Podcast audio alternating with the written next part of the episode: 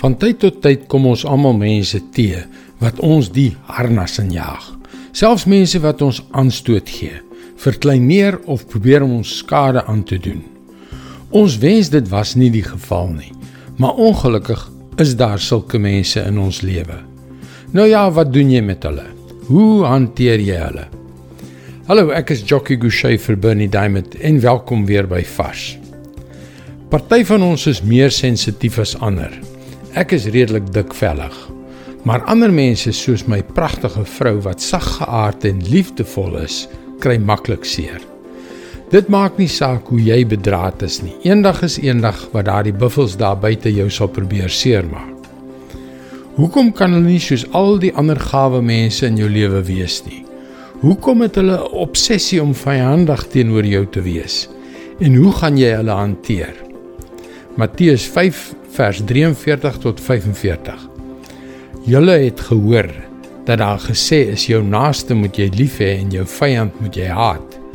Maar ek sê vir julle, julle moet julle vyande lief hê en julle moet bid vir die wat julle vervolg, sodat julle kinders kan wees van julle Vader in die hemel.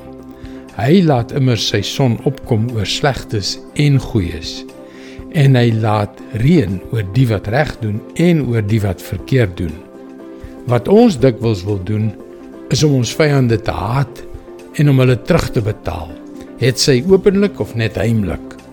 As alternatief kan ons hulle vermy, verwerp of straf.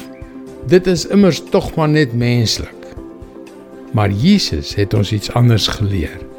Hy het ons geleer om vir hulle te bid. Dit gaan so teen die grein nie waar nie. Maar doen dit sodat julle kinders kan wees van julle Vader in die hemel.